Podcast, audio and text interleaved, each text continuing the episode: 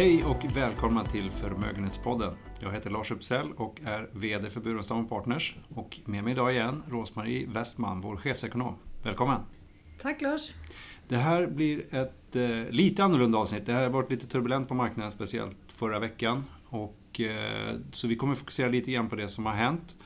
Och eh, tänkte börja med den frågan Rosmarie. Vad, vad var det som hände förra veckan? Det var väldigt turbulent på framförallt aktiemarknaderna. Mm. Vi har haft väldigt turbulenta, eller vi har inte turbulenta, vi har haft tudelade marknader under året eh, där tillväxtmarknaderna var ganska svaga och sen har vi haft väldigt starkt i USA. Nu fick vi en situation där det blev det omvända, höll jag på att säga, men det blev en sättning, rejäl sättning i USA som spred sig då globalt. Och eh, vad den beror på specifikt är ju alltid en kombination, men jag tror för egen del att den beror väldigt mycket på den arbetslöshetssiffra som kom i USA, som visar på 3,7 procents eh, arbetslöshet. Och det är den lägsta siffran sedan 1969. Så nu börjar det bli väldigt tajt på arbetsmarknaden. Och vi fick också några kommentarer från Fed, ungefär i samma härad där, att eh, nu ser man det som att man kommer in i ett läge där det, där det kommer ske åtstramning av den amerikanska ekonomin de närmaste två åren. Och eh, vi har skrivit lite grann om det där att eh, ränteutvecklingen och det faktum att de kommer fortsätta att höja räntorna i USA kommer bli problematiskt och att det kommer kyla av eh, ekonomin då under nästa år. Så att eh, vi fick en dos av det. Men om man säger låg arbetslöshet, det är ju någonting som man vill eftersträva eh, många gånger. Hög arbetslöshet är ju inte heller jättebra. Så var, varför är det ett problem? Det kan ju komma inflation den vägen och vi ser ju att det är lite mer löneökningar än det varit tidigare och det är ju alla glada över men det kan ju också snabbt bli för bra helt enkelt. Då. Mm. Eh, och man såg också kanske en, en liten oro kring, generellt kring konjunkturen. Det var just industriföretagen som gick sämst, Industrials då. Eh, och vi såg också Sverige gick ner ganska mycket, vi har också mycket verkstadsbolag. Eh, så de var väl i fronten kan man säga. Det gick ner 6% på en vecka vilket är en ganska stor rörelse. Medan eh, andra eh, marknader klarade sig något bättre. Japan var ner 4 och eh, tillväxtmarknader som helhet var ner 2 mm. i lokala valutor. Vi hoppar till något annat. Det har varit turbulent mellan Turkiet och Saudiarabien. Och det är ju rent politiskt är det en stor spänning som har uppstått där. Men det har även påverkat framförallt oljepriset va? Ja, eh, mm, det stämmer. Det är lite svårt att reda ut det. Men det, händelsen som är nu den senaste är att eh, Saudiarabien då har tagit in kan man säga en eh, journalist på, på ambassaden i Istanbul som sen inte har återvänt. Då kommer spekulationerna igång om att han är berövad livet där inne på ambassaden. Och eh, det är en väldigt allvarlig anklagelse. Eh, det finns kanske inte några konkreta bevis men han har heller inte kommit till rätta och eh, det är ju snart ja, en dryg vecka sedan. Så det här blossar ju upp då som, som en kris och USA som är väldigt nära allierad med Saudiarabien har ju varit det historiskt men kanske ovanligt mycket nu senare tid. Eh, Saudiarabien var ju det land som Trump eh, besökte först av alla när han hade tillträtt som, eh, som, som president.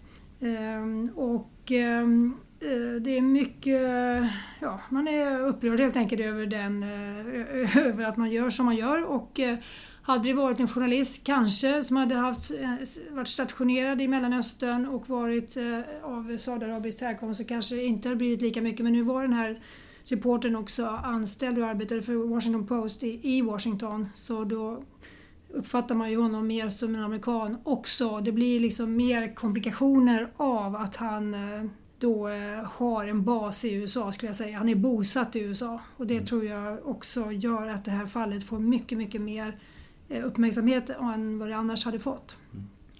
Och, och oljepriset, hur eh, mm. påverkar det då? Saudiarabien är en stor oljeproducent naturligtvis. Innan vi hade turbulensen förra veckan så var det uppe på 84, 85, 86 tror jag som allra mest. Det är bräntoljan då per fat. Sen kom ju turbulensen och då fick vi lite avkylning även på oljan så då gick den ner till 81 och där befinner vi oss idag. Eh, USA kommer införa ytterligare sanktioner mot Iran, det är det här uppsagda, uppsagda Iranavtalet. Så det innebär att det kommer ut mindre olja på marknaden från och med november. Det är marknaden inställd på, så det är en av orosmomenten. när Saudiarabien nu får ett tryck från sig, eller på sig från omvärlden och där USA till och med nu hotar med eh, någon form av sanktioner då hotar Saudiarabien tillbaka med att eh, man i så fall svarar med andra medel eh, och då skulle det kunna vara att man stryper oljan då på marknaden. Nu är det ingen som tror att man gör det men alla kommer ihåg oljeembargot, alla kommer inte ihåg det men mm. vissa kommer ihåg oljeembargot som de införde mot bland annat USA 1973 som fick välja följder. Då blev det en riktigt, riktigt, riktigt stor lågkonjunktur av det. Ehm, så det är klart att eh, Saudiarabien är ju inte helt utan ja, vapen, mot Utan vapen. maktmedel? Mm. Maktmedel ska jag säga, ja. precis. Eh, Okej, okay, men vi, vi, den här politiken, nu, om vi tar Europa, så eh, är det, det har blivit lite spändare läge när det gäller Storbritanniens utträde ur EU. Vi tar ju upp det emellanåt på vår podd och eh, det har väl gått Kanske framåt mestadels tiden. 80 procent är förhandlat av det som behöver förhandlas för att man ska få till ett exit-avtal och de ska ju utträda den 29 mars 2019 oavsett om de har ett avtal eller inte och det börjar bli väldigt knappt om tid.